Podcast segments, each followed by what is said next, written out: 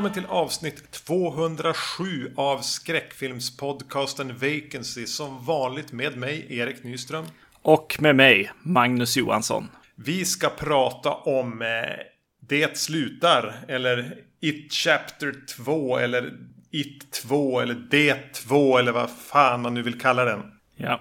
Och med oss för att göra det är Emil från Titta de snackar. Välkommen Emil! Tack! Alltid kul att få närvara i fantastiska Vacancy. Och varför är du med den här gången? För att eh, du skrev till mig och sa att en av era lyssnare ville att jag skulle medverka i samtal om den här filmen. Exakt, det räcker liksom inte med Erik och Magnus längre. Nej. Den här side sidekicken som har blivit populärare än eh, huvudattraktionen. Precis, jag är någon sorts Kramer i sammanhanget. Ja. Så nu får du fan leverera. Jag ska försöka, men det ska bli väldigt kul att prata lite om It 2. Ja, men jag känner att det är en ganska trevlig dynamik också när man eh, att prata om biofilmer. Att du hoppar in då. Du är liksom biojeppen. Som bara glider in genom dörren sådär, Kramer style. När vi har varit på bio. Ja, så kan vi ju se det om ni vill. Yes. Vi, pr- vi pratade om eh, It, gamla miniserien och eh, då föregångaren till den här för, jag måste väl vara typ två år sedan den kom tror jag. Vad har du för relation till föregångaren? Om vi börjar där Emil. Alltså, inte miniserien utan första filmen i den här moderna sviten. Okej, så vi lämnar... Det är ingen idé att återvända till tv-serien då. Ehm, även om den här filmen ju gör det lite. Lite blinkningar. Eh, nej, jag såg väl fram emot förra filmen. Men jag minns att efter de, de trailerna som kom så hade jag en stor rädsla över att det skulle vara sådär modernt datoreffektigt.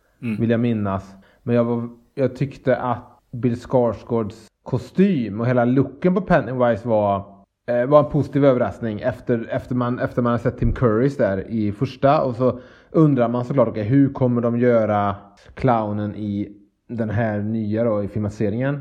Så eh, då minns jag att jag blev väldigt positivt överraskad av eh, designen. Det kändes direkt som att, ah, okej, här har vi en modern skräckikon. Det var länge sedan sist. Sen vill jag väl säga att jag tyckte filmen var rätt bärs i slutändan. Det var för mycket datoreffekter. Det, det jag eh, hoppades inte skulle vara. Och sen, eh, sen minns jag inte. Ja, det var mest med dator. Att det, den, var aldrig riktigt så här läskig.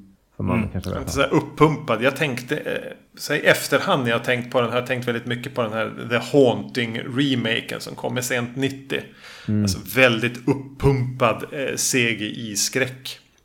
Som ju blir allt annat än läskig. Men det jag minns att jag störde mig mest mer än var väl eh, alltså det här eh, 80-tals nostalgierandet. Eh, som bara kändes cyniskt. Ja, precis. Det känns ju cyniskt just för att det, det känns pre- som att det var på grund av Stranger Things. Och att man hoppade på den vågen lite. Eh, vilket jag tyckte blev lite tråkigt nu den här filmen. Inte för att börja prata om den här filmen än, men i tvåan lite trist då. För då var man fast i någon sorts nutid. Och jag önskar väl att ah, det här hade ju varit lite skönare om vi hade varit i 80-talet nu. Men eh, relation till miniserien då, som ändå har en ganska, en kanske oförtjänt stor plats i mitt filmhjärta.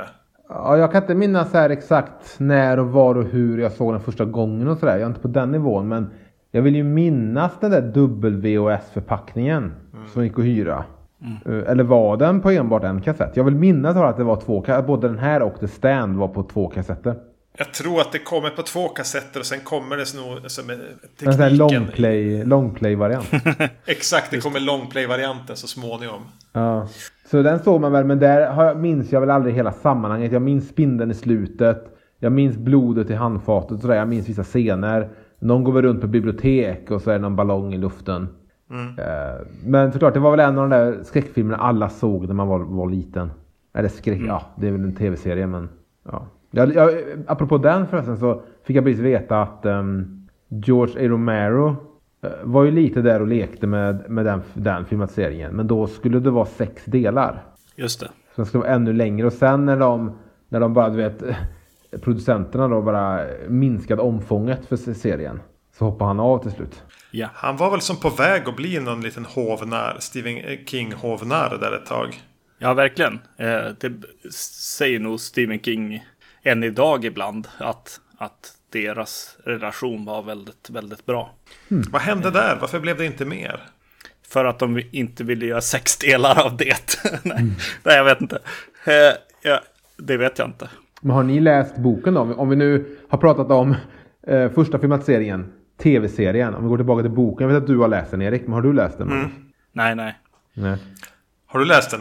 Nej, ja, men jag har ju sett hur stor den är, hur lång den är, hur tjock den är. Ja, jag te- Ja, den, är, den är två, den här dubbel-VHSen, liksom tjock. ja precis. Jag är väl su... Klart jag är sugen, men jag vet också om att jag kommer inte orka mig igenom den och sen så är man, det är lite förstört om att man nu har dels har sett de här två filmerna och dels läst på lite och fått höra liksom vad som skiljer mot, från boken. Så känns det som att jag har lite, lite för bra koll. Jag har inte orkat läsa. Jag har bara mina minnen från att ha läst den sommaren 1992. Eh, det är de minnen jag går på hela tiden. Så jag, och de bleknar ju för varje dag. Och då läste du den i rätt ålder i alla fall? Ja, verkligen. Jag tror sällan att en bok har kommit till mig i så rätt, eh, liksom, rätt sommar som den gjorde då. Eh, så det var ju då en fantastisk läsupplevelse. Och jag är tillräckligt stort eh, Stephen King-fanboy för att jag nog skulle ha ut ganska mycket av att läsa om den. Jag kommer att göra det. Men då kan du läsa den på originalspråk nu då? Jo, men det har jag som bytt till att göra. Ja, men då får du någonting nytt då, om, om du inte bara vill trampa i samma hjulspår som Sommar 92. Så. Jo, jag får se det så. Jag har tänkt läsa om The Stand också en tredje gång för att jag har köpt den här, eh, inte förlängda versionen, men en, eh, den icke eh, förkortade versionen som tydligen var ursprungsversionen. Som man inte fick släppa för att den var för oprövad när den kom. Ja, ja, Ja, jag skitsamma. tänkte, jag, jag tänkte se om tv-serien, för jag har nog bara sett den en gång. Där. Sommar 93 kanske. Ja. Kanske se om lang Languärerna också. ja, du har ju sett om Thinner vet jag så. Mm. Ska vi, ska vi ta oss in i It 2? Ja, Eh, regi av den, eh, Andy Muschietti. ja. Som eh, gjorde föregångaren. Och det här är ju då eh, vad som händer när de barnen från första filmen har blivit eh, i 40-årsåldern och eh, Pennywise det är tillbaka i Derry. Så de återvänder dit. Just det. De har, de har haft något, något slags eh, överenskommelse om att komma tillbaka. Och eh, kommer tillbaka helt enkelt. För att stoppa det. Kanske en gång för alla. Det är så svårt för mig att veta vad som hör, vad, vilka scener var med i första delen av den här eh, reinkarnationen. Vad är från boken och vad är från miniserien? Det, jag, jag, har, jag hade ingen aning kände jag, med, kände jag när jag satte mig. Och nu, jag kommer precis hem från, från eh, bion. Just det. Eh, jag såg ju eh, första eh, filmen här innan eh, jag gick på bio och såg den här. Eh, för att få en liten repetition eh, av vad den filmen var. Och eh, den är väl lite som jag minns den. Eh, att, att det som, som jag gillade lite mer än var att eh, de vux, vuxenvärlden var eh, hotet och det mörka i filmen. Och de scenerna där, där eh, den här eh, mamman och den här eh, Bev, Beverlys eh, pappa var med. Var det som liksom gjorde filmen, gav filmen lite, lite mer än, än bara en, en actionskräckis. S- Det som jag gillade mer än på något sätt. Och så hade jag ju, jag har inte riktigt lika eh, stort problem med de här eh, 80-tals eh, grejerna. Eh, jag gillade nog ungarna här eh, en del i den filmen. Ja, det är väl också lite det. För, för när första kom, det blev ju lite ett event. Den fick ju väldigt mycket uppmär- uppmärksamhet. Och det kanske var dels för att det var så här, den red lite på den här Stranger Things-vågen. Men det var väl mycket också för att de kidsen faktiskt funkade rätt bra ihop. Ja, Ehm, Jo, men det gjorde de ju. mm, precis. Jo, och det gör de fortfarande. Ja, men det lilla de är med här också. Och det gjorde då även kidsen, kanske inte på samma sätt, men det är ju samma sak i miniserien. Att det är ju eh, sekvenserna med kidsen där är ju bra. Det är ju när de blir vuxna det blir ett jävla mög. jag, jag, jag, jag är lite överraskad av för att boken hoppar ju mer hela tiden mellan vuxenvärlden och eller de vuxna, de som vuxna och de som barn. Jag är ändå lite överraskad för det är lite så att man är lite lat ändå när man ska filmatisera den på nytt. Och så har man exakt samma upplägg som miniserien i att okej, okay, vi tar barnens historia i första delen. Sen tar vi ja. de vuxnas i den andra. Mm. Jag blir överraskad bara av att man, att man höll det så likt det miniserien redan gjort. Uh, istället för att kanske göra en, en, en adaption som är närmare boken. Jag tror ja. ju att anledningen till det var att de Eh, hade ju inte bemödat sig med att casta en massa dyra vuxenskådisar som Jessica Chastain. Om första filmen inte hade blivit en dundersuccé. Nej precis, det är väl enklare. Då har, ja, då har vi vårt matinéäventyr i värsta fall. Där ändå ja. Pennywise eh, eh, ja, puttas ner i någon klak eller vad det är i slutet av första filmen. Precis. Jag, jag, jag tänker eh, att jag ska eh, gå in och göra en ändå en eh, spoilervarning här. Eh, även om den är lite slut. För eh, när vi har varit på bio så är det, är det så. Eh, vi kommer att prata om hela filmen och eh, eh det, det, är därför vi är här på något sätt. Vara, vara ert bollplank på något sätt. Och då, då vill jag bara så att inte jag glömmer det säga att ehm Eftersom jag störde mig lite som Erik också på att, att det var 80-talet första filmen. För det känns så onödigt när 50-talet också är en väldigt härlig tid att låta en film utspelas i. Mm. Uh, så tänkte jag nu också, okej okay, tänk om första då hade utspelat sig där 58, eller när nu, när nu den utspelas i boken, mm. barnen. Sen hade tvåan då utspelats 84-85 eller nu det kan vara när nu boken utspelas. Ja. Um, om de då hade velat då, mjölka det ännu mer, så kunde de ju gjort en till uppföljare 27 år senare igen. Och då satt den i typ nutid. Mm. Och gett liksom gett, en tredje del då till detta. Och det stör mig lite att de inte gjorde det. Eh, faktiskt. Nu, nu verkar det som att filmen öppnar upp lite för att de skulle kunna göra någon sorts prequel eftersom de visar Bill Skarsgård. Eh, det är, jag vet inte om, om det var menat så, men det, det känns som att öppna upp lite om mm. att låt oss faktiskt visa någon riktig backstory här till Pennywise. Mm. Eller till någon, någonting han har övertagit eller jag vet inte vad Bill Skarsgårds roll var när han var sig själv utan smink här, men det kändes för mig bara som att ah, okay, de kanske kommer sätta en, göra en film som är 27 år eh, tidigare igen. På något sätt. Det tror jag inte. Jag tänker att det var mer en sån här, alltså när Robert Englund får spela den här sjuksköterskan i någon Elm Street-film. Ja. Alltså nu har han kämpat på i, vad blir det sammanlagt, typ fem sex timmar med den här clownsminket. Vi må ju mm. låta han få en möjlighet att vara osminkad i en scen. Ja, det, det kan ju vara så att det var så här Bill Skarsgårds agent så här, som skrev in det, det skrevs in i kontraktet till film 2. Vi vill ha en bild på, på Bill utan smink.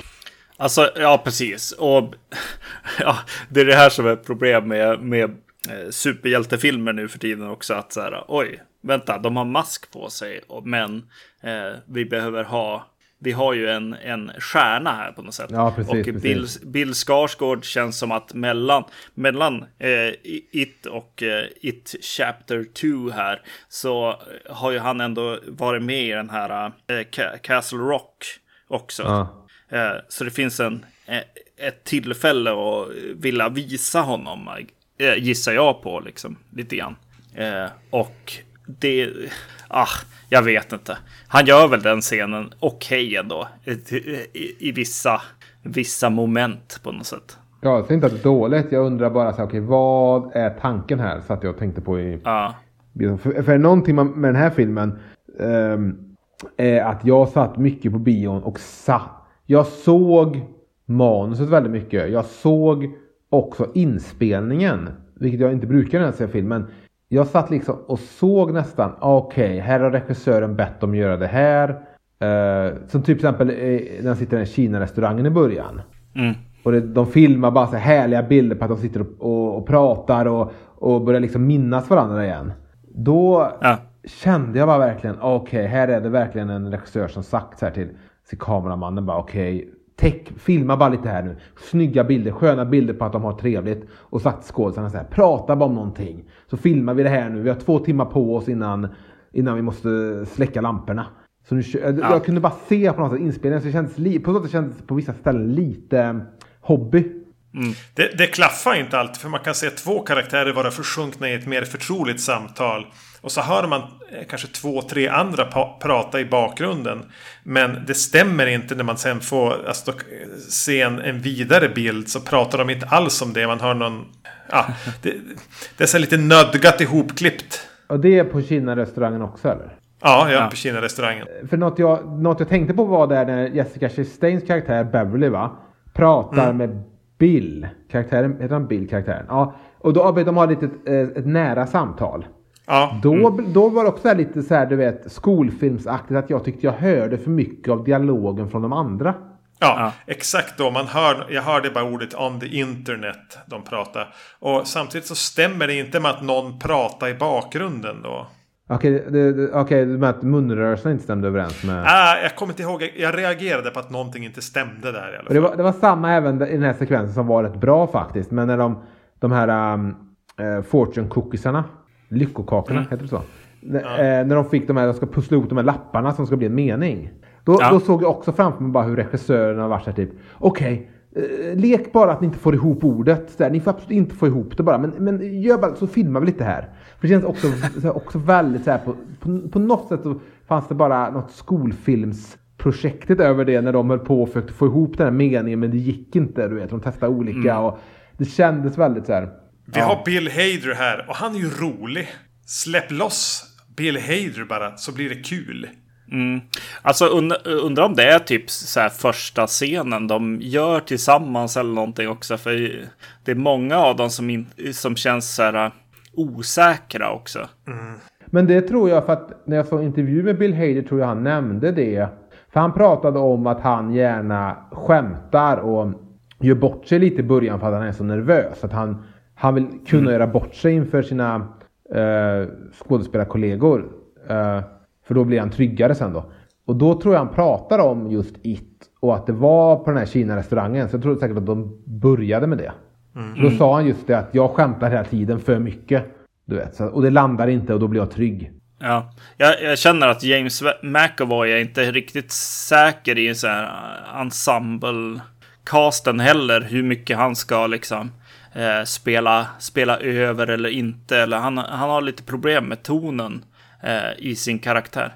Han blir en väldigt torr straight man i den här. Hela filmen. Men alltså jag blev förvånad över hur lik den scenen är den scenen i miniserien. Ja, Jag borde se miniserien. Ja, eh, då spelar de någon så här sentimental, eh, glad låt också under den där sekvensen. Eh, men det, alltså, jag skulle, det, det är i princip samma Kina-krog de är på. ja, ja. Men hur, eh, för nu känns det som att vi bara, bara vi börjar babbla. Är det så det här avsnittet kommer vara? Att vi bara babblar på? Eller har ni någon sorts struktur? Ni, bru- Brukar vi ha det? Nej, vi har ingen... Alltså bioavsnitten brukar vara bara babbel om vad vi Ja. kommer ihåg.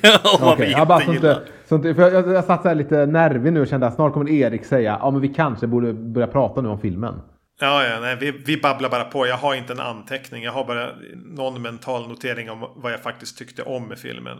Okej, för då kan jag säga direkt där i Kina-restaurangen så var det två saker jag, som på något sätt satte med en gång där hur, hur jag skulle känna inför filmen.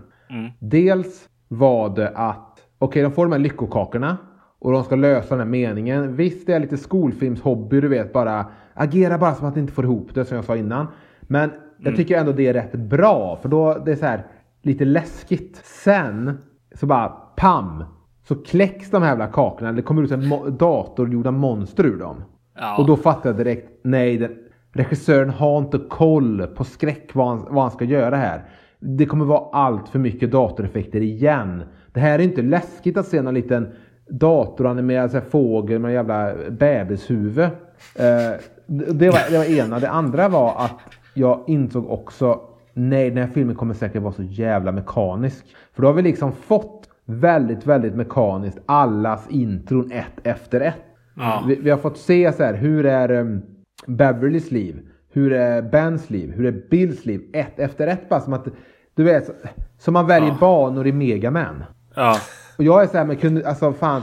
Så jag satt och tänkte bara direkt, eh, du vet, eh, eftersom filmen också är två timmar 45 minuter så började jag genast i mitt huvud sitta och redigera när jag satt i bion. Så jag var så här, okej, vi klipper bort hela Beverly-biten men hon kommer in på Kina-restaurangen med en blåtira istället. Då har vi satt vilket liv hon lever och vad hon, vad hon har lämnat. Du vet, så där började jag tänka typ, okej okay, vi behöver inte visa att han är författare. För alla kommer ändå prata om hans böcker, Bill, hans böcker och att han har, att han, att han har dåliga slut och det här. Det kommer ju, återkommer ju typ tre, fyra gånger i filmen. Så det är, det är så mycket i början som man bara kan kapa bort och istället belysa skådespelarna och karaktärerna genom deras samspel istället, vilka liv de har levt, mer än att vi ska se det här lilla jävla introt. Och de plockar med saker från, som är från boken med att Bev har den här eh, men, hustrumisshandlaren, eh, maken. Men han får ju i boken en, eh, en större roll. Jag tror han dyker upp. Han blir liksom en av Pennywise lite hantlangare som den här Henry Bowers blir. Då finns det ju ett syfte i större utsträckning. Eh, nu varför fick vi se den där scenen? Det är ingen som kommenterar. Det är ingenting som får någon payoff någonstans. Nej, det enda är ju för att de visar på något sätt att ah, okej, okay, hon har lyckats undkomma sin pappa och så har hon hamnat i en likadan situation som vuxen. Det går bara mm, ja. i cirklar. Du vet. Och samma även med um, han um, hypokondrikern som hade den här vad heter det, Münhauser by proxy, eller vad heter det? Mm. Mm, hans mamma gjorde honom hade, sjuk. Den ja. morsan hade han i första filmen. Okej, okay, nu har han en, en, uh, en, fru som är lika, han har satt i samma situation igen med den här frun och sådär. Och jag bara, allt det ja. kunde vi fått fram om ni istället ni hade fått till lite skön kemi mellan karaktärerna i Derry. För jag menar, om de återvänder till Derry och ingen känner varandra, de minns inte ens längre varandra. Det är ett skit. Då, då behöver inte vi som publik heller veta någonting om karaktärerna. För de måste lära känna varandra igen. Och då lär mm. vi känna dem. Så det var bara en sån mekanisk grej. Och sen återkom ju det med att alla skulle ut på sitt eget äventyr och hitta någon token. Oh, fy fan. Mm. Och det var också så här, du vet, väldigt tv-speligt. Det var så här. Jag tänkte faktiskt också på ett tv-spel då. Mm. Och, det, och allting det bara blev så här, nu tar vi den, nu tar vi den, nu tar vi den. Fast i, jag menar, det är ju inte så olikt en Terra Street-film.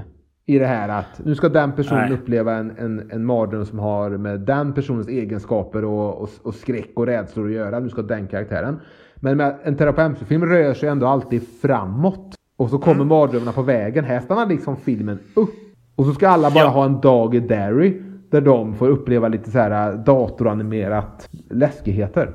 Ja, precis. Och just att, att Freddy Krueger alltså, blir ju läskigare och läskigare i och med att han dödar dem han, han eh, är otrevlig med också. Och det, det händer ju inte riktigt här, utan här är det liksom bara boo, boo. Alltså spökhuset liksom. Ja, det är som att de går på nöjesfältet allihop. Ja. Man, jag förstår inte heller riktigt vad Pennywise håller på med. För vi får Nej. se. Nej, och... En av de bästa scenerna i filmen är ju den scenen vid den här baseballmatchen när han faktiskt dödar en liten flicka. Det, det tycker jag är en, en bra scen i sig själv. Mm. Men det känns som att den, den finns med där bara för att manusfattare har suttit och känt så här. Men jag kan inte döda någon av mina huvudkaraktärer. Nej, Nej och det känns som den har, in, den, den, har hänt tidigare. För jag tror man refererar till en, någon flicka som har försvunnit. Som hette typ Victoria bla bla bla. Före den sekvensen kommer. Just och, det. Så, ah, Okej, okay, då är det, då är det en, en, okay, någonting de har gjort i klipprummet då. Att de har lagt ja. den scenen senare då. Just det, för eh, jag, jag, tänkte lite grann på den där grejerna också för att eh, de, de använder samma skräckelement också ganska tid, alltså ganska tidigt efter den scenen. Eh, det, det läskiga i att någon bara stannar till och blir lite frusen liksom. Eh, vilket mm. är ju en bra tanke, god tanke. Och så sen kommer Beverly in i sin eh, historia ganska kort därefter kände jag. Och eh, får en, en gammal dam som också gör eh, samma knep. Eh, mm. Vilket Ja, i och för sig, det kanske skulle referera till att så här, åh, men det är ju Pennywise hon möter här. Men det kom så jäkla tajt in på att jag kände bara, men de återanvänder ju bara samma scare här. Ja, och det är väldigt mycket det så här, eh, Pennywise typ springer mot kameran. Alltså det är, så här, ja. det är inte så förnuligt. Och, och jag blev så att nu när jag har läst lite recensioner och läst vad folk har tyckt om den här filmen och så. Så det är många som refererar tillbaka till boken och pratar du vet, om, om boken som att du vet, hela Derry är ruttet och en, en, en stad mm. du vet, där det inte finns någon moral, ingen empati. Alla liksom har förstörts i staden. Och, och det tycker jag inte riktigt framkommer här heller. För det är så här, okej, okay, eh, Pennywise är tillbaka nu 27 år senare och ska uh, döda och äta barn och allting. Men vi får liksom se scenen i början på den här det homosexuella paret som attackeras. Sen får vi den här tjejen, lilla flickan, eh, vid baseballmatchen. Men det, jag känner bara att man får aldrig riktigt känsla. För, det, jag får aldrig någon känsla för Derry och att det är en hotfull plats. Och det känns som när folk pratar om boken så är, så är det så ypperligt gjort då att, att Derry är, är, som jag sa, så här, ruttet. Och många, eh, jag såg att någon i alla fall hade sagt att jo, jo, men det här med den här um, homosexuella killen som dör i början. I boken så liksom det, tar det större plats för då får man se polisutredningen och hur polisen är korrupta och inte bryr sig. Och man får liksom se hur Derry fungerar genom, um, genom det mordet och, att, uh, och polisutredningen som följer. Och här blir det mer bara som det, isolerade händelser som jag inte riktigt kopplar till att Derry är på något visst sätt. Nej, de misslyckas ju att göra en berättelse om staden. Ja, och om de ändå inte kan döda sina, de här vuxna skådisarna då, James McAvoy och company. Så kan de väl istället då berätta en historia om, lägga mer fokus kanske på Derry och hur hela förvriden staden är. Än att vi bara ska se dem, du vet, inte bli dödade i två och en halv timme. Ja, precis. Det jag tror att de har ett stort problem med här på något sätt är att så här, eh, twisten i slutet av första filmen är i princip att det kommer en uppföljare. Eh, Det sista som händer där står bara It Chapter 1. Eh, titeln på filmen. Eh, och, och vi får så här bara, åh oh, shit, vi ska få mer och vi ska få se eh, de här när de är vuxna. Men den här filmen har ett, ett problem i det att eh, det som folk gillade med första filmen är barnen och deras Mm. sam, samarbete. Och Absolut. det som händer då är att vi, vi tappar bort dem som vuxna och vi får inte riktigt lära känna dem. Eh, de får, får inte interagera med varandra och få det här äventyret. Och eh, lite av det du säger Emil nu att så här, vi vi skulle kunna få se mer av Derry och eh, liksom det istället för barnen kanske. Eh, att, att bara låt, låt det vara eh, första filmen. För vi har ju ändå sett första filmen eller liksom eh, den här, den här filmen säger ju liksom lite grann att så här, ja men ska vi, behöver vi ens se första filmen då? För vi får ju den också i den här eh, väldigt långa filmen. Samtidigt då, även om de, de här filmerna sitter väldigt, väldigt på något sätt bra ihop. Väldigt, de är väldigt så här, nästan som att det känns nästan som att de filmade back to back. I alla fall för mig som inte såg om första filmen. Nu när jag gick och såg den här. Så är det ändå så här typ att de skriver nu in att de har haft något så här klubbhus. eh, Som inte är med i första filmen. Nej. Så det känns mycket, så mycket efterkonstruktioner också. Att de måste så här, eh, hade de varit smarta hade jag ju känt att de hade planterat saker i första filmen. Nu var det istället som att de har fått ja, efterkonstruera massa grejer för att få in barnen och visa då på deras relationer sinsemellan och allt det här. Som till exempel det här med att de ska hitta Stanleys token. Han som tar livet av sig. Och de hittar de här badmössorna. Det borde ju varit någonting som de planterade i första filmen. Eller gjorde de det kanske? Nej, men Nej. För de, här visar de ju typ så här hur han har med sig Ja. badmössorna ner, ner i klubbhuset. Just det, ja. Och då känner jag så här, men det hade ju varit ypperligt att göra en grej av det i första filmen. Ja, Samtidigt som jag också vill säga att jag tycker att första filmen borde startat med en man som går upp ensam för trapporna i sitt hus. Han går in i sitt badrum och han tar livet av sig. Tänkte jag på här. Fan, de borde tagit...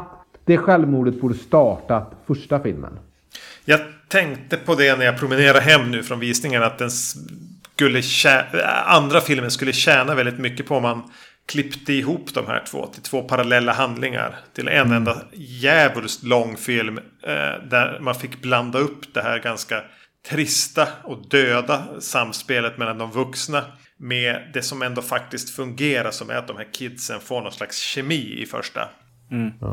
Eh, för, för det här blir ju, det här, för mig blev det ganska exakt samma effekt som att se andra delen av miniserien. Att bara, de här vuxna är ju, det är jättetråkigt. De känns bara som en massa 40-åringar som är på någon jävla återträff. Alltså det är kul för dem, men det är inte kul för någon annan. Jag tycker ändå det är väldigt bra castat. Ja, men det är ganska många som är tråkiga också. Alltså Bill Hader är ju rolig. Hans ständiga one-liners är ju lika delar här, lite irriterande. Som att jag insåg att det var som det jag satt och väntade på. Säg något kul nu Bill Hader. Och James McAvoy är ju duktig, men han är ju otroligt tråkig för han har ingenting att jobba med. Jessica Chastain, samma sak. Jätteduktig skådis. A-list material. Men hon har ju inte heller någonting att göra. Och han som mm. spelade Mike som vuxen var ju jättedålig. Ja, men jag tycker ändå han gjorde någon sorts skön så här. Det var, det var en sån Denzel Washington tryckte över honom.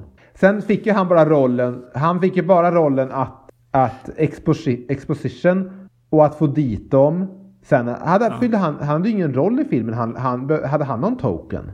Jo, en sten. En sten, ja. En sten från deras slagsmål där från första när de slängde stenar. Okej, okay, men mm. det känns ändå som att hans roll var bara att, att prata med publiken. Mm, ja, men jag tyckte han var... Han hade... Jag tyckte han var erbarmligt dålig. Mm. Usch. Ja, jag, tyckte, jag, tyckte, jag tyckte skådespelet var bra, men han fick också en otacksam roll. Mm.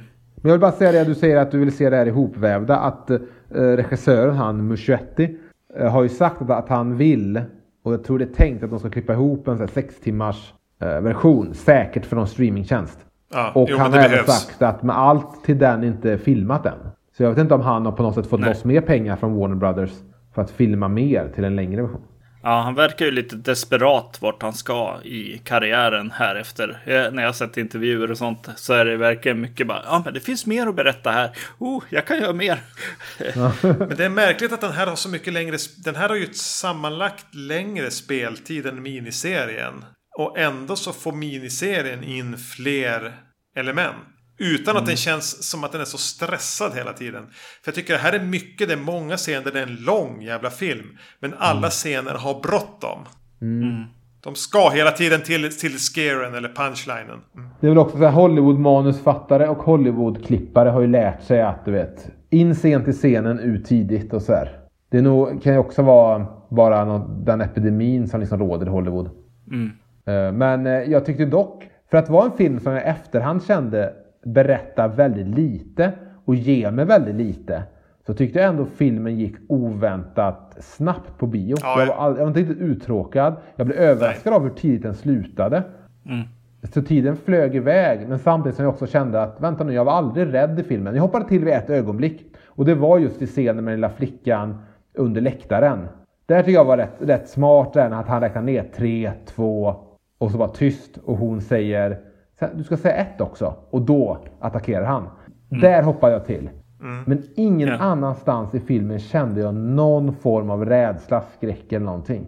Jag hoppade till en gång och det var när Beverly eh, var i den här gamla damens lägenhet och helt plötsligt kommer en jättelång CGI-varelse springande.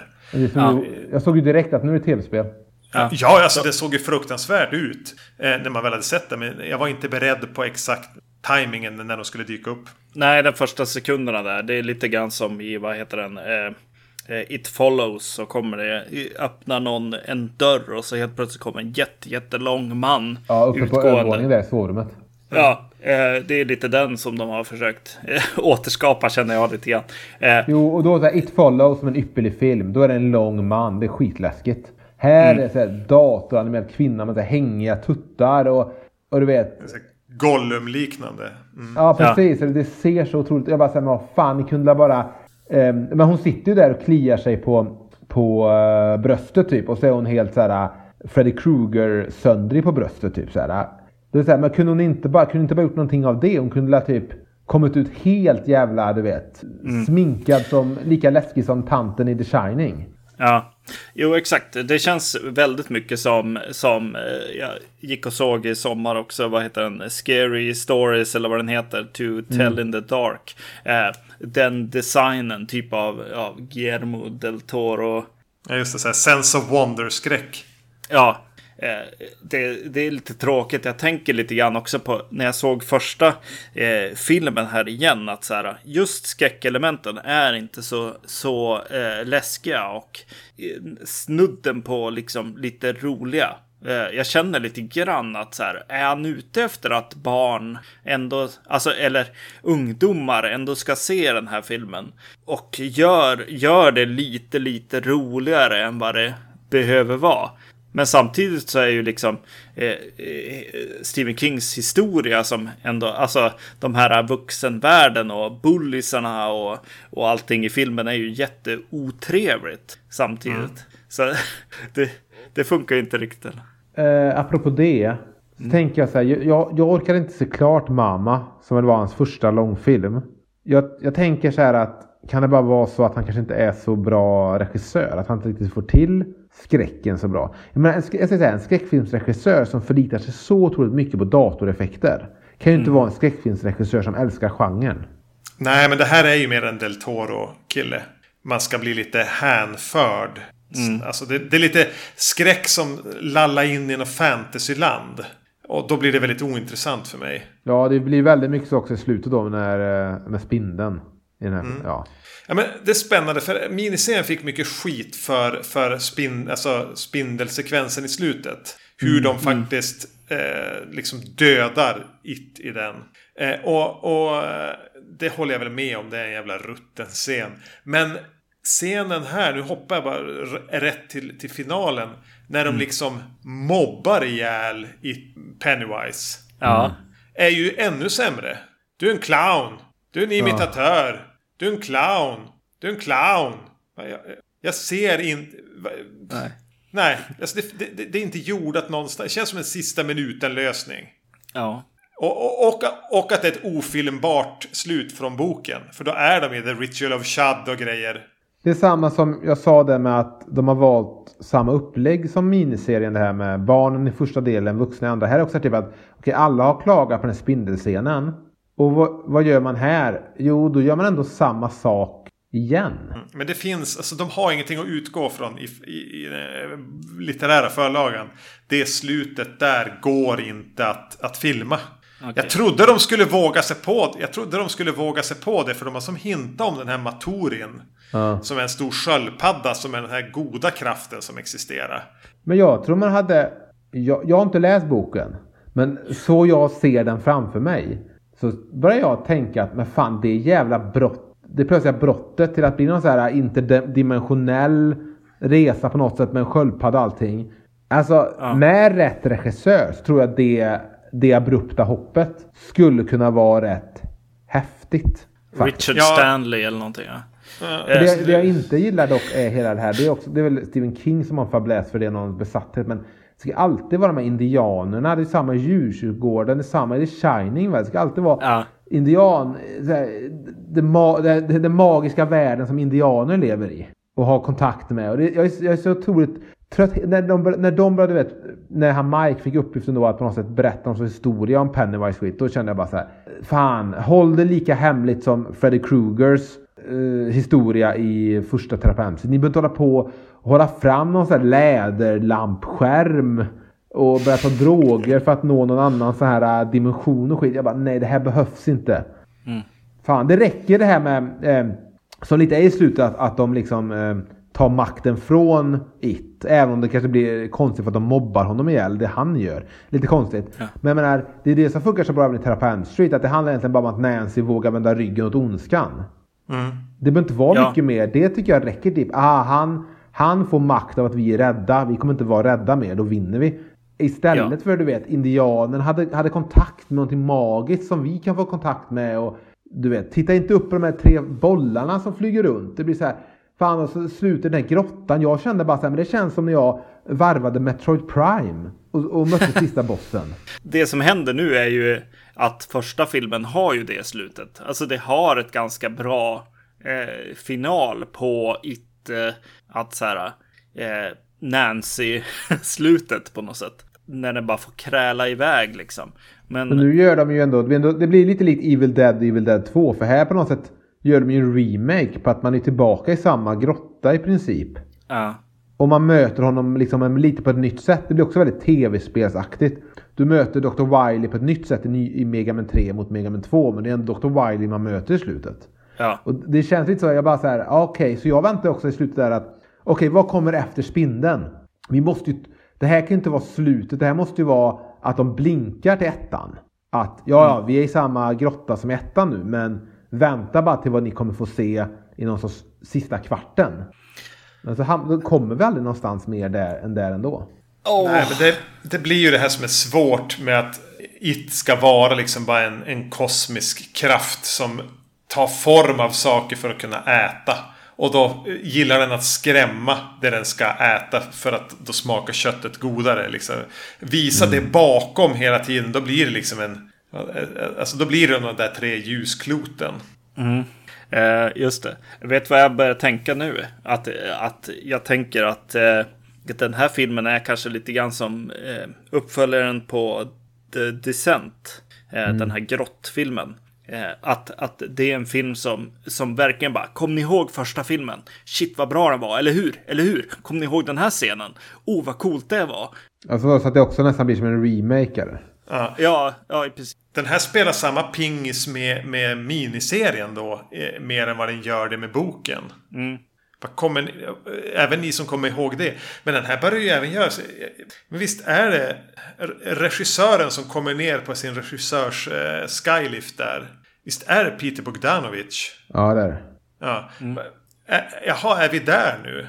Ska den här börja kommentera liksom skräckfilm? Eller vad är de ute efter? Varför har vi ens med den scenen? Och sen gör den en så här... Gör den ju den här ganska halvpinsamma The Thing-homagen med spindelskallen. Och jag bara, okej nu kommer en karaktär att säga You gotta be fucking kidding me. Och det lär ju vara Bill Hader, för han ska ju vara... han- får ju bara säga vältajmad eh, komiska repliker. Och mycket riktigt. Ja. Va- varför gör de... Alltså, vem ville ha det här? Ja, En The Thing-hommage som är ganska pinsam. T- Jag tänkte så här. När, när man får se Bills intro. Där han är på någon filminspelning där. Och så hittar ett nytt. Alltså han är som manusfattare då också. Och det blir så här. Ja, eh, hur som helst. Då tänkte jag så här. Fan hade filmen utspelat sig där i mitten av 80-talet. Då hade det. Eftersom det är New Line Cinema som gjort filmen också. Då hade det kunnat varit en Terra på Elm Street-film han är på nu. Det hade varit en Just det. snygg. Lika snyggt som att det är Elm Street 5 på bion i slutsekunderna. Det är typ det bästa film. Ja, men det är inte någon, något ögonblick där typ Pennywise nämner Street Fighter. ja, Jo. Jag bara, och jag tycker inte den här kosmiska interdimensionella varelsen ska liksom namedroppa Street Fighter. Det kändes också så här, ah, men ja. Ja. Men ja. Ska jag säga de två bästa sakerna med filmen? Får jag, får jag bara ta så får jag dem ur systemet. Jag känner att jag sitter och så här studsar på dem. Ett, det jag tyckte var, förutom det här, varje gång man får se kidsen igen så blir jag lite glad. Jag vill vara mer med dem. Och det Ja. bästa tyckte jag, det jag liksom myste mest, det är när Ed är på väg ner i källaren i den här långsökta apotekarscenen. Som hade någonting bara helt den var så way off, både med han som liten och, som vuxen. Men när han som barn ska gå ner i källaren där så stöter han till typ en trave med några plastgrejer och skriker på ett jätteroligt sätt. Det, det satt jag som och småfnissa åt nästan resten av filmen. ja. Eh, det gillade jag.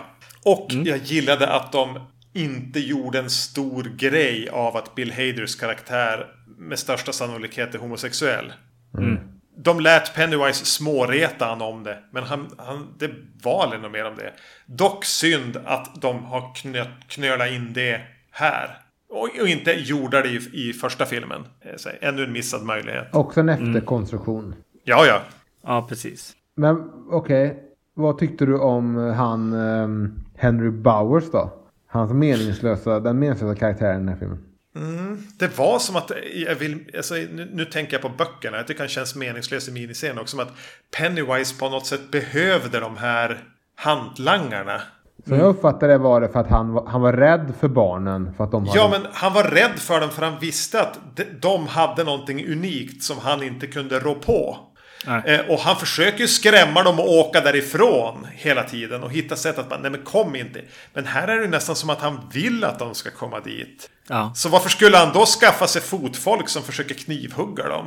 Men jag tycker också det är någonting bara som jag tycker känns så... Um, eh, ja men filmen, det är väl det här mekaniska. Men det är liksom att det känns aldrig som att Pennywise... Och det är kanske bara jag som minns filmen dåligt nu då. Men det känns aldrig som att, Pen, inte som att Pennywise riktigt har någon relation till de här vuxna karaktärerna. Han dyker upp när de är ute på sina egna äventyr där. Då får Ja. alla träffa honom en gång. Pliktskyldigt. Ja men det, är- det är aldrig riktigt som att... Det, det är bara som att de rör sig runt sin egen värld väldigt frånskild Pennywise på något sätt. Jag får aldrig den här känslan av att fan ni är tillbaka. Eh, Vare sig han är rädd eller han vill locka dit dem eller han vill döda dem eller han vill leka med dem. Jag tycker det känns lite som att de aldrig riktigt, inte riktigt, riktigt sitter ihop där. De är så upptagna med sin egen nostalgi att de inte riktigt bryr sig om att det är en, en eh, galen entitet som tar skepnad av en clown och försöker döda dem. Bara, ja, ja, ja. Men jag försöker minnas här nu. Stör mig Ja. inte Pennywise. Det blir lite mer de här axelryck. Det blir lite, jag tror det förstärker tv-spelskänslan. Att ja, ja, men jag kan ändå alltid ladda om från där jag var sist. Ja, och tänk då istället om hela, hela Derry som de eh, rör sig runt är helt på något sätt förvridet. Att man kan se hur Pennywise liksom närvaro och bara förstöra staden. Då i alla fall, då hade det varit läskigt även när han ska gå och köpa sin cykel. Nu tycker jag inte riktigt det blir så läskigt någon gång. Knappt ens när hon är hos den här tanten tycker jag är så läskigt för att det känns så... Jag vet inte, det är så isolerat. Ja, nu kommer jag få en liten isolerad kortfilm med henne. Där antagligen tanten kommer bli galen. Hon kommer överleva. Det, kä- det, det känns inte organiskt någonting i filmen. Och det, Nej, tycker jag kände, det kändes mer i första filmen. eh, Vill jag minnas i alla fall. Ja, precis. När de hade råd att ha alla karaktärer på samma plats. Eh, det känns lite grann som, som eh, när Netflix eh, kom in och betalade lite pengar för Arrested Development. Ja, precis. Ja. Och, och kom in och bara, ja, vi gör en säsong till, men inga scheman låg, låg bra. Så att inga av karaktärerna och dynamikerna fick liksom ta, eh, få något utrymme helt enkelt. Utan precis. det var ett, ett avsnitt per karaktär. ja, och de hade liksom en helg där de kom ihop alla. Då, då, då gjorde de, då körde de Kina-restaurangscenen. Exakt. Och eh, egentligen samma sak med barnen lite grann. Att, att de, de delar ju också på sig lite grann där. Eh, och visar eh, sina separata äventyr. Eh, vilket ju är ganska ointressant. En en ensemblefilm. För jag menar, ja, till exempel då ehm, Bill Haders heter karaktären Rich. Alltså, Ja. Okej, hans token är en token från eh, han spelar Street Fighter i bion. Det säga, men det här kunde ni väl också visa fall i första filmen? Måste ni lägga tid nu på att hitta på det här med alla tokens? Och eh, ja, precis, att man ska be- behöva se dem som barn igen. Det, det blir det, det är osnyggt berättat tycker jag. Även om jag också gillar lite att de blandar in barnen, att vi kommer tillbaka till dem även här. Så är det också någonting som känns väldigt mycket som att eh, de försöker rädda, de försöker på något sätt ja, rädda, upp, rädda upp filmen med att få tillbaka barnen. Ja, tack och lov att de är med. Jag hade inte orkat den här filmen utan de små andningshål som, som eh, barnskådisarna ändå erbjöd i att ha någon slags charm.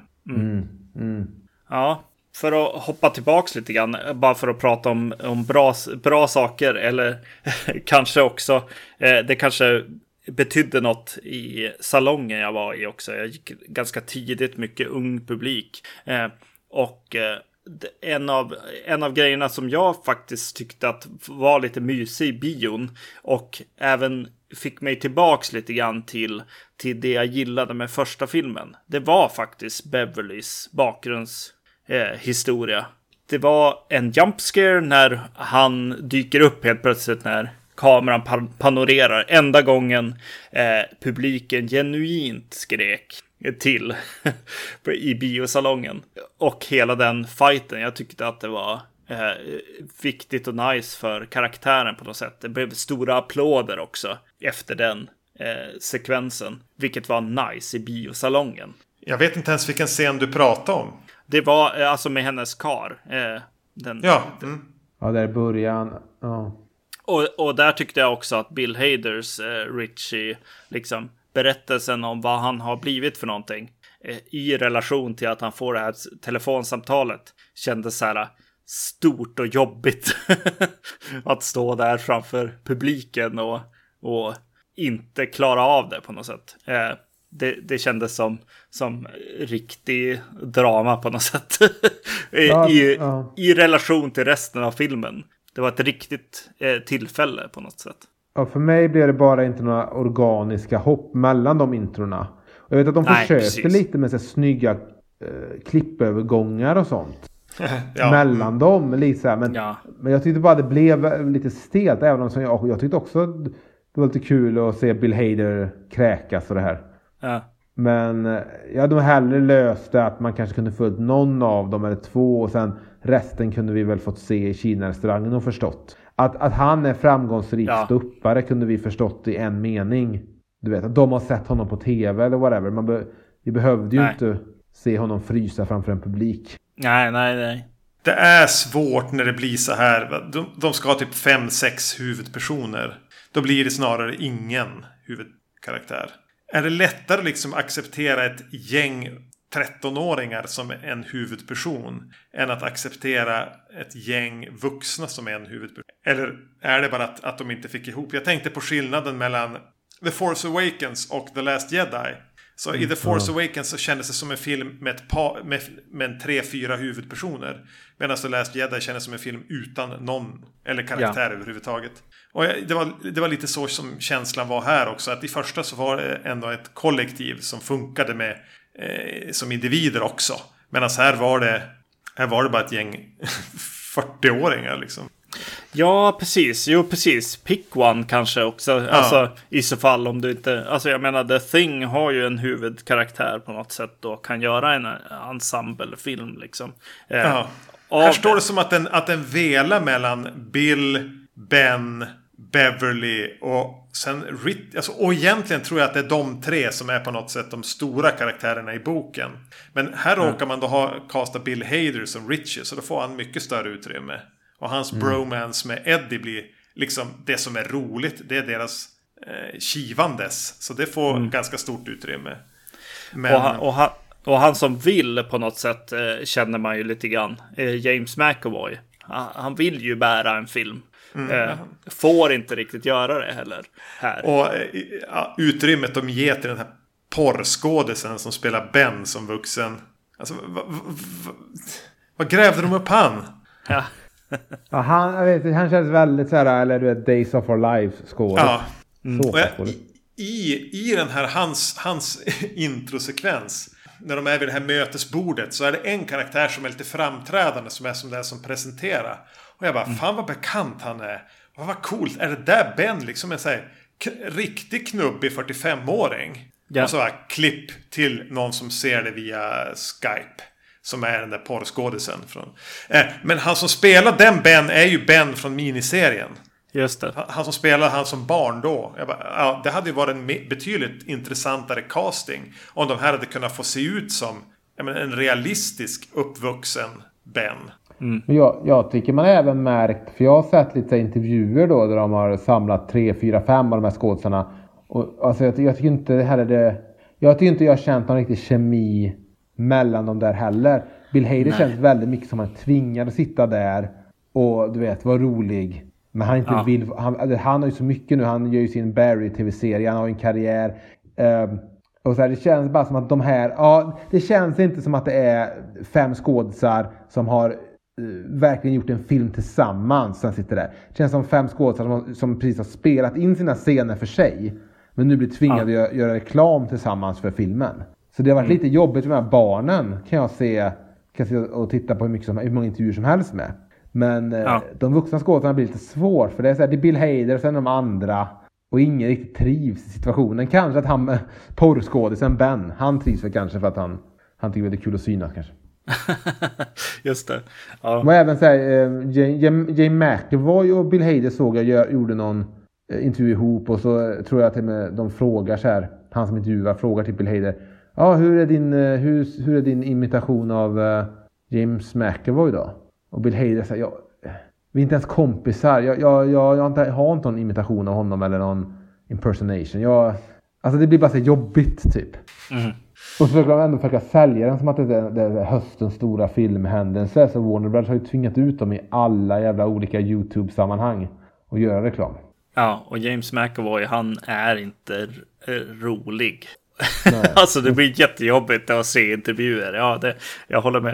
Eh, ja, James McAvoy är nog ett problem helt enkelt. eh, som de kanske skulle ha löst. Ja, jag minns knappt. Jag minns, jag minns att han cyklar runt på den här cykeln Silver. Jag minns att han, att han köper cykeln för då har Stephen King på sig en Neil Young t-shirt. Mm. Jag minns, jag minns mest Bill Hader och Jessica Chastain. Och att Ben är så här lite creepigt ståkig. Ja, av den här kvinnan då som han inte har lyckats glömma på 27 år då. Ja. Och så här, men jag, jag minns knappt James McAvoys sketcherna i, i filmen. Ja, det är lite jobbigt att de har några eh, A-listers och eh, några, eh, alltså som jag inte känner till. Eh, Så jag känner ju att miniserien gör sig påmind även där. Att så här, när de blir vuxna skulle de ha eh, betalat skådisar mer och, och effektsteamet mindre. Eh, på något sätt. Eh, det blir en obalans i karaktärs, eh, liksom, i de här. Du, du har liksom hälften är A-listers och hälften är eh, Porrskådisar. Ja, porrskådisar. Eh, men ja, eh, så det blir, blir ju ett eh, problem för mig. Även om jag tycker han Eddie är ganska bra. Alltså han eh, James Ranson heter han. Ja, men han, han funkar skitbra ihop också med Bill Hader. De spelar Ja. lite karaktärerna på samma sätt. Det, det är lite överdrivet. Det fungerar lite. fortfarande. Deras Mm. här, kivandes. Ehm, och han är oväntat lik eh, han som spelar Eddie i miniserien. Förutom att den Ja. Eddie har som blont, yvigt hår. Men om han skulle ha klippt sig och liksom färgat svart och vara snedbena så är de förvånansvärt lik varandra. För han är ju, Men- han är ju ett till ett lik pojken som spelar han som lit, ung i filmen. Ja, det, det har de i och för sig gjort ett ganska bra jobb med på alla... jag tyckte även på, på Ben. Alltså att... att eh, ja, men jag kan köpa att Ben liksom körde Cambridge och gick in i porrbranschen. Då skulle han se ut sådär. Ja, eh, jag, alltså när vi ändå pratar om skådisarna och sånt så måste jag ändå eh, ta tillfället i akt och prata om eh, känslan jag fick efter första filmen och, och att jag verkligen ville ha eh, Kristen Wiig, heter hon så, eh, castad som Beverly. Eh, då jag tycker att hon är så jävligt lik eh, Sofia Lillis, eh, unga Beverly. Så Jessica Chastain fick ju, fick ju en extra liksom Hon är lite uppförsbacke där. börda för mig ja, att bevisa någonting. Och eh, karaktären i sig eh, hjälper ju inte och hur hon är skriven hjälper ju inte henne eh, för mig. Så, så jag blir ju, jag, jag eh, står nog fast vid att jag skulle verkligen ha velat se eh, Kristen eh, Wiig i den rollen. Särskilt då när hon till exempel har Bill Hader där också. Eh, Ja, kört, kört ett SNL-gäng hade kanske fungerat bättre. Man hade i alla fall fått kemin gratis där mellan de två. Jag Ja. tyckte ju Amy Adams borde haft rollen. Amy Adams eller Jessica Chastain. Va, va, alltså, vad, hade, vad hade blivit annorlunda tänker du? Jag tycker, jag tycker Amy Adams är betydligt mer lik Sofia Lillis än vad Jessica Chastain är. Ja. Det hade varit som att byta ut James McAvoy mot Michael Fassbender också då. Så hade vi bytt ut liksom två av varandra exakt samma. Uppta samma position i universum. yes. Eh, ska, vi, ska vi avrunda det här kanske? Är det, något, är det något sista du vill ha sagt om It 2, Emil? Nej, det var väl mest att jag tycker att eh, det är ingen film som var tvungen att vara så lång. Utan jag, jag känner, som jag kanske har nämnt några gånger, jag tycker man kunde kapat väldigt mycket i början och sådär. Och klippt bort rätt mycket. Det var det jag ville ha sagt och det har jag fått sagt. Jag vill också ha sagt att jag tycker att den borde utspela sig på 80-talet. Så man kunde gjort en tredje film för skojs skull som satt i nutid. Och det fick jag sagt. Och sen fick jag klaga på 3D-effekterna och att man det är förbluffande tycker jag för mig. Det är helt sjukt tycker jag att man, helt absurt barockt. Att man som skräckfilmsregissör inte älskar genren nog. Att man håller sig borta från 3D-effekter. Jag, jag, jag kan inte fatta det. Uh, det är väl de tre sakerna. Jag, jag är dock sugen på att se om det blir någon ihopklippning av det till någon sorts sex timmars variant för Netflix eller liknande. Så skulle jag kunna tänka mig att se om allting. Ja, jag kommer nog göra det också tyvärr. Men vad Ja. fan. Ja, äh, jag är väldigt, jag är väldigt besviken eh, på den här filmen. Jag, jag tycker den är, eh, alltså fr framförallt så här bara, ja men här sitter jag med helt rätt publik. Eh, frugan sa till och med, gå lite tidigare så du får de här ungdomarna som liksom eh, kan bli rädda för modern skräckfilm liksom. Eh, och, och, och det börjar tjoas och kimmas och busas och eh, så här, applåderas i scener där det inte skulle... Alltså, den tappar publiken helt, den här filmen. Och eh, mig väldigt snabbt. Nej, tråkigt alltså. Nej, det är synd alltså. Vad tyckte du då och inte för att störa det här, då, det här delen av programmet, eller eran podd där när man ska bara knyta ihop allting. Men vad tyckte du om trailern för den här Birds of Prey som var innan filmen? Där de Alltså. fejkar. För den funkade, eftersom de fake, de fejkar att det är början på det. Ja. I början på den teasern för den filmen. Eh, och jag tycker det, det funkar väldigt bra för att jag hörde att de bakom mig i princip sa någonting till med Åh jävlar! Typ som att nu startar filmen. Nu kommer det bli så jävla läskigt när, man, när ballongerna kom och allting. Så jag tycker fan det funkade att Ja. med den uh, fake-trailern. Ja. Men det är väl något DC-skit va?